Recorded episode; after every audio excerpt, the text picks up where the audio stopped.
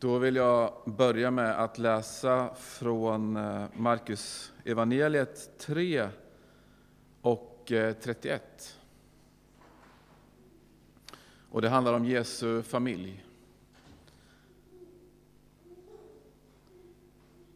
Nu kom hans mor och hans bröder och de stannade utanför och skickade bud efter honom.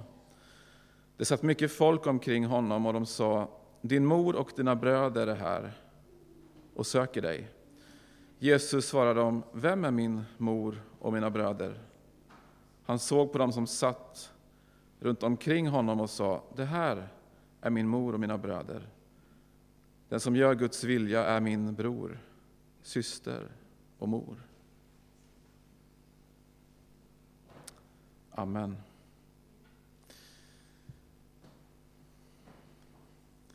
Kommer ni ihåg eh, Gerard, när Gerard Boré ringer till MC-klubben Sofia Hoggs?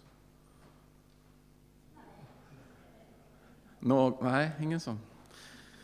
Nej, det är en gammal Hassan-sketch om ni minns det från 90-talet. Det lyssnade jag mycket på i alla fall. Några nickar här. Ja. Och det är när Fredrik, eh, han, Fredrik Lindström och han refererar till sina kompisar Sylvester och Claes Christian. Och han undrar, hur blir man medlem i den här MC-klubben? Måste man ha en motorcykel? Frågar han. Eh, och så hör man den här HD-medlemmen som eh, säger med mörk röst, ja det måste man. Ja men det har jag, en Kawasaki 125. Glöm det, säger den andra. Ja. Det, det, den är rolig, jag lovar. Men i alla fall, den här eh, MC-medlemmen, han andas hela tiden. Du får inte vara med. Vi vill inte ha dig här. Absolut inte. Och den här sketchen riktar ljuset lite mot det som är temat i, i, i, i kyrkoåret, att leva tillsammans. Vilka kriterier krävs det för att vara med i kyrkan? Vad är det för slags gemenskap vi kan förvänta oss att få uppleva och leva i? Och utifrån en evangelietext som, vi, som jag läste precis så förstår vi att den gemenskap och den familj som Jesus formar utifrån sig själv radikalt bryter mot det som var gängse på den här tiden. Och vi vet ju om att även i vårt land så kommer det människor från andra länder som är mer bundna till släkt och sin klan och sin familj. Det är där man får sin trygghet, sin identitet, sin försörjning, sin säkerhet. Men Jesus, han bryter mot allt det som var etablerat och det som också vi är formade in i och det som vi känner oss som mest lojala och bekväma med. Men det är så att alla grupper har ju någon slags eh, medlemskap. Ska man vara med i eh, Mensa så eh, måste man ha ett IQ på minst 130. Jag har ingen aning om vad jag... Vad jag, jag är glad att jag har, om jag har ett IQ. eh, vad är det egentligen? Jag vet inte. För, och för att få den här exklusiva tidningen Konnässör så måste man ha en årsinkomst på minst 2,5 miljoner kronor. Eh, för att bli medlem i Frimurarorden så måste man bli inbjuden av en annan medlem. Och det här är bara exempel. Varje organisation, förening eller sammankomst har sina regler. Och så ställs frågan då, vad kvalificerar dig för medlemskap i kyrkan? Och detta är svaret. Jo, att du kommer till insikt om att du är en syndare i behov av förlåtelse.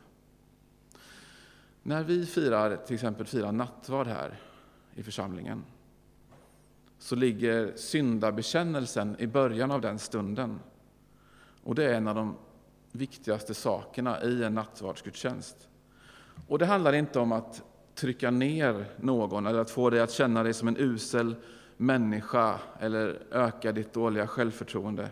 Utan vi bekänner tillsammans att grunden för, för vår gemenskap med Gud och varandra bygger på detta befriande faktum att det som definierar oss och vår gemenskap och som är helt unikt i världshistorien är att vi, ja, vi är syndare som enbart tack vare Guds nåd som vi får ta emot i tron och dopet blivit indragna i Guds familj.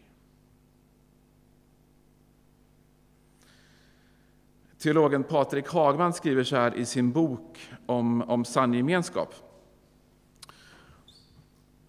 Om vi, inte börjar med att, om vi inte börjar med att etablera delad syndig mänsklighet som grund för det vi sedan gör i gudstjänsten blir allt en smula förvrängt. Inte minst på det viset att vi riskerar föra in världens sätt att bedöma människor och rangordna grupper där personer med vissa egenskaper, de som tillhör en viss klass, etnicitet och ett visst kön uppfattas viktigare eller oviktigare än de som har andra egenskaper. Syndabekännelsen är ett verktyg som kyrkan använder för att rena oss från detta sättet att tänka.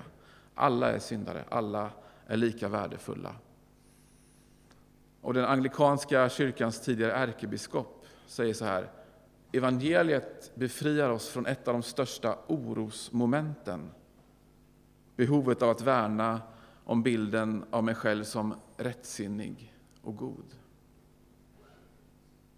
Och ni håller säkert med om den här sanningen, men den får enorma konsekvenser för oss när det gäller för oss att förstå vad det innebär att tillhöra församlingen, att leva tillsammans, som vi pratar om idag. Och den hjälper också oss att ha rätta förväntningar på vad det innebär att vara här, just nu. För när frikyrkorörelsen bröt fram i vårt land så var det utifrån en önskan att forma gemenskaper med, med sanna kristna. Man talade om att bygga den rena församlingen. Och en konsekvens av det var ju att tusentals människor blev uteslutna, för de nådde ju inte upp till den här standarden. Och även om uteslutningar nästan helt har upphört idag, som tur är, så, så lämnar många kyrkan ändå. För att de känner, att jag platsar inte in. Jag duger inte. Är jag välkommen som jag är? Jesus säger en liknelse i Matteus 13. Eh, så här, vi ska läsa den. Han lät dem höra en annan liknelse. Med himmelriket är det som när en man hade sått god säd i sin åker. Medan alla låg och sov kom hans fiende och sådde ogräs mitt bland vetet och gick sedan sin väg. När säden växte upp och gick i ax visade sig också ogräset. Då gick tjänarna till sin herre och sa, Herre, var det inte god säd du sådde i din åker? Varifrån kommer då ogräset? Han svarade, det är en fiende som har varit framme. Tjänarna frågade, ska vi alltså gå och rensa bort ogräset? Nej, svarade han. Då kan ni rycka upp vetet samtidigt som ni rensar bort ogräset. Låt båda växa tills det är dags att skörda. När skördetiden kommer ska jag säga till dem som ska skörda, rensa först bort ogräset och binda upp det i knippen att eldas upp. Men vetet ska ni samla i min lada. Vad Jesus säger är att kyrkan i den här tiden kommer att, den kommer att bestå av den gamla fina godispåsen, gott och blandat. Alltså det finns ingen ren, alltigenom ren församling. Det finns inte en fantastisk gemenskap med bara brinnande, härliga troende som älskar Jesus 100 procent hela tiden. Här växer både ogräs och vete tillsammans. Och det verkar inte heller vara vår uppgift att rensa bort ogräset. Och vad får ett sånt här synsätt för konsekvenser när vi talar om att leva tillsammans? Om att vara kyrka, att vara syskon i Guds familj. Och jag tror att jag har tre punkter faktiskt. Chockerande. tre punkter. vad, vad, vad innebär det här? Jo, för det första så är du välkommen fullt ut, 100% medlem är du, även när livet skiter sig och du faller tungt, så är du välkommen. Jag vet inte om ni har sett filmen Silence. Det är Scorsese som har gjort den filmen, så då betyder det att den är bra. Den handlar om två jesuiter i alla fall. Ja, där kom upp en bild där. Två jesuiter som eh, åker till Japan för att försöka hitta en eh, tredje borttappad jesuit. Och jesuiter är alltså katolska munkar kan man säga. Och det här utspelar sig på 1600-talet. När, då hade man förbjudit all kristendom i Japan. Och de kristna som fanns kvar de led under mycket svår förföljelse. De fick gömma sig. Men när de här prästerna kommer så börjar de ändå att, att samlas. Och myndigheterna slår ner på dem eh, och förhör dem. Och en av de här troende japanerna är en ganska vidrig människa. Jag vet inte, har, har ni sett Silence? Är det någon som har sett den? Mm. mm. Bra Daniel. Ja, men det är ett tips. Det är ett tips, verkligen. Eh, men för, för de andra i, i den här lilla kristna gemenskapen är fasta och trogna och de lider martyrdöden, några av dem på det mest fruktansvärda sätt. Men den här mannen som bedyrar sin kärlek till Kristus och till jesuiterna gör han, men så fort förföljelsen kommer så sviker han. Då rymmer han och han till och med förråder de andra till myndigheterna. Och sen efter ett tag så kommer han tillbaka och ylar med igen och ber om förlåtelse och sen upprepas det här flera gånger. Och jesuiterna säger välkommen, du får vara med. Och till slut så sitter jesuiterna inspärrade i små, små burar, förrådda av den här mannen. Och så kommer han krypande till den här buren och säger förlåt mig. Så är, så är kyrkan. Så är den kristna församlingen. Alltså är vi en församling, talar om den världsvida kyrkan, ständigt behov av Guds nåd, eller odlar vi en kultur där vi ska prestera och kvala in tack vare våra lyckade liv?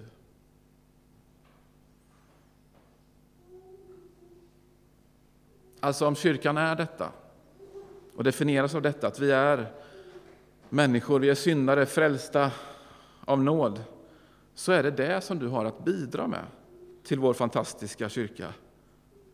Det är att du, du är en människa med fel och brister. Det är liksom det som vi delar tillsammans. Jag har alltid förundrats över, efter ett helt liv i, i, i kyrkan, hur många drar sig undan? Hur många drar sig undan när de mår dåligt? När de hamnar i kris? När de faller? Församlingen är en gemenskap där, där om man hamnar i kris, faller eller känner sig som en usel, vidrig syndare säger här är platsen där du ska vara. Du är välkommen. Så det är min första punkt. Så om man försöker vara helig och duktig och tänker att det är grejen så kanske du får hitta en annan kyrka. Liksom. Men om du definierar dig som en människa med fel och brister och, tror att, och tänker att tron och dopet det är din räddningsplanka, så är du välkommen. För det andra, om församlingen då utgörs av bristfälliga människor så kommer vi att bli sårade, besvikna och uppleva också det att ja, men vår gemenskap är inte bara en smak av himlen utan också det motsatta. Otaliga är de människor som har lämnat församlingen eh, på grund av konflikter, på grund av att de inte kanske har fått den plattformstid som de tycker, eller utrymme som de tycker att de förtjänat. Eller att eh, de tycker att pastorn eller prästen inte har varit gudfruktig så som de önskat sig.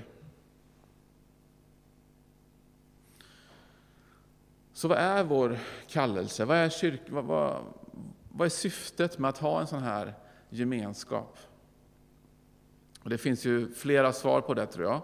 Flera kallelser, många uppgifter, men kanske ett av de främsta svaret på den frågan är, i alla fall ett svar, Kyrkan finns, församlingen finns för att vi ska lära oss fördragsamhet, tålamod och stå ut med varandra.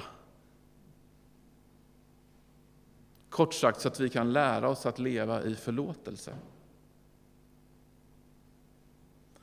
Paulus säger i sitt brev till de kristna som lever i församlingen i Kolosse, så här från eh, kapitel 3 och 12.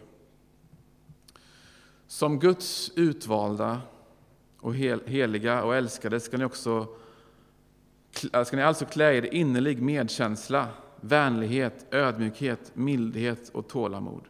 Ha fördrag med varandra och var överseende om ni har något att förebrå någon. Liksom Herren har förlåtit er ska ni också förlåta. Men över allt detta ska ni ha kärleken, det band som ger fullkomlighet. Ha fördrag med varandra och var överseende om ni har något att förebrå någon.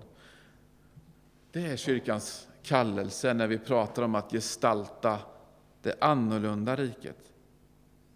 Alltså, du behöver inte ha framkalla sentimentala känslor för din nästa. Du behöver inte ens gilla din nästa, för det är så vi tolkar det. Men vi utmanas att utifrån den här insikten om att vi är en gemenskap som definieras av att vi alla har en brist, att vi alla faller, också leva i fördragsamhet med varandra. Om vi tänker på den här fridshälsningen som vi gör när vi firar nattvard, i alla fall gör vi det ibland. Eh,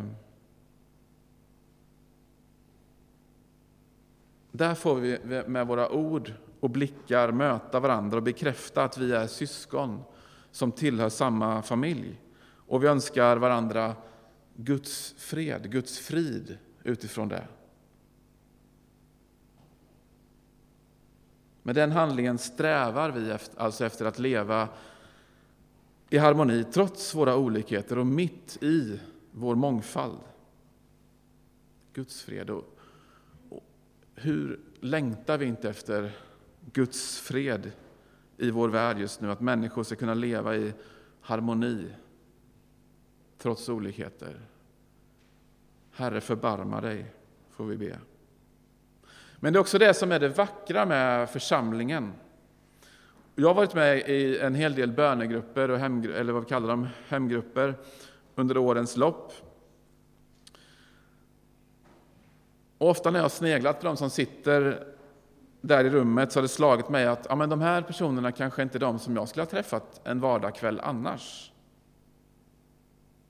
Det är olika fritidsintressen, olika åldrar, olika kultur, stil, personlighet. Så vad förenar oss? Kristus. Och det i sig är ett hoppets tecken för vår värld, inte minst i denna tid. Det var punkt två. För det tredje, när det gäller att leva tillsammans så, så kommer vi hela tiden att leva i ofas med varandra. Men att det är kyrkan, församlingen, Kristi kropp som bär oss.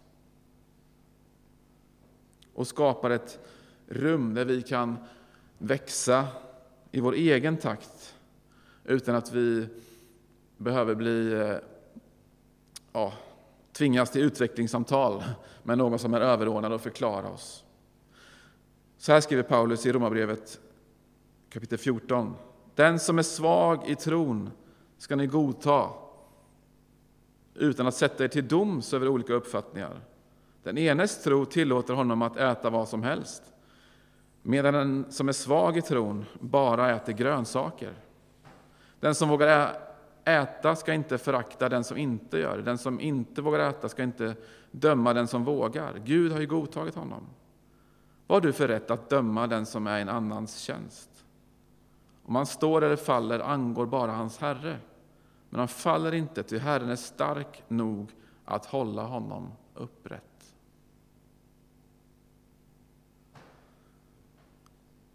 När vi har syndabekännelse så säger vi jag. I trosbekännelsen så säger vi vi. Vi bekänner. Det är inte jag som tror. Det är kyrkans tro. Och här kan du lägga in den, vår lokala församling eller den världsvida kyrkan och allt däremellan. Den här tältduken rymmer mycket. Eller som någon har sagt, kyrkans tro är som en väldig katedral där vi som individer i den väldiga rymden får röra oss i frihet.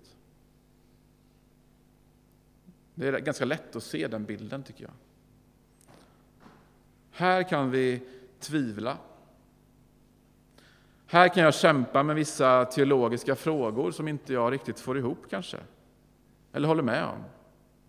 Här finns det utrymme att leva med olika tankar, olika uppfattningar. Vi får friheten att bara äta grönsaker om vi vill, eller om vi vill lägga en köttbit på tallriken. Tron är nämligen större än så. får vi påminna oss om. Det stora taket som skyddar oss alla, det är kyrkans tro.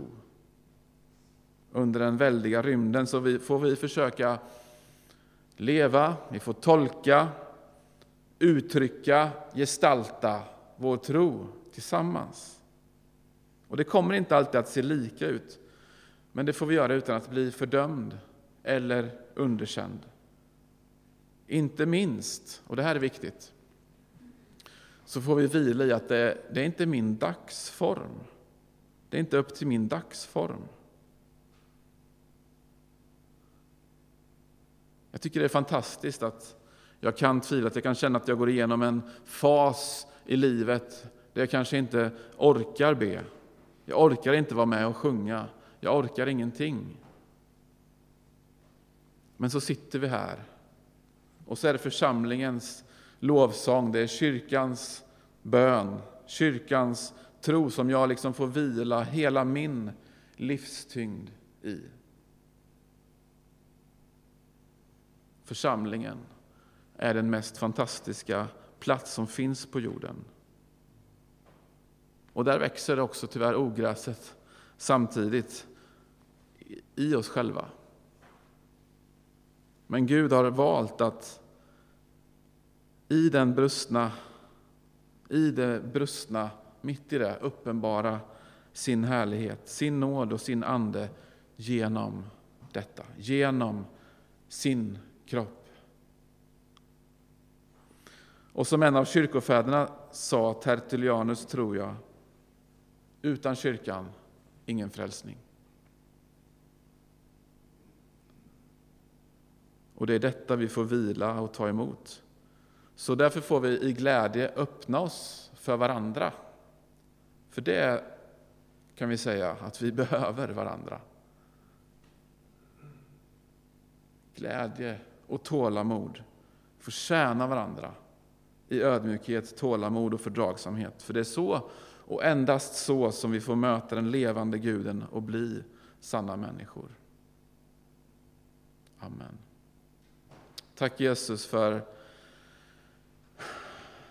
att vi får bara släppa, släppa att vi måste prestera någonting för att vara med i någonting. Vi får vara människor, för det är det vi är. Vi kommer aldrig bli perfekta, vi kommer alltid snava, falla.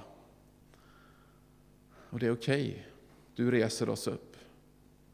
Du tar emot oss, du älskar oss för dem vi är. Ber att det får slå rot i oss, den sanningen. Att ingen ska behöva känna sig fördömd.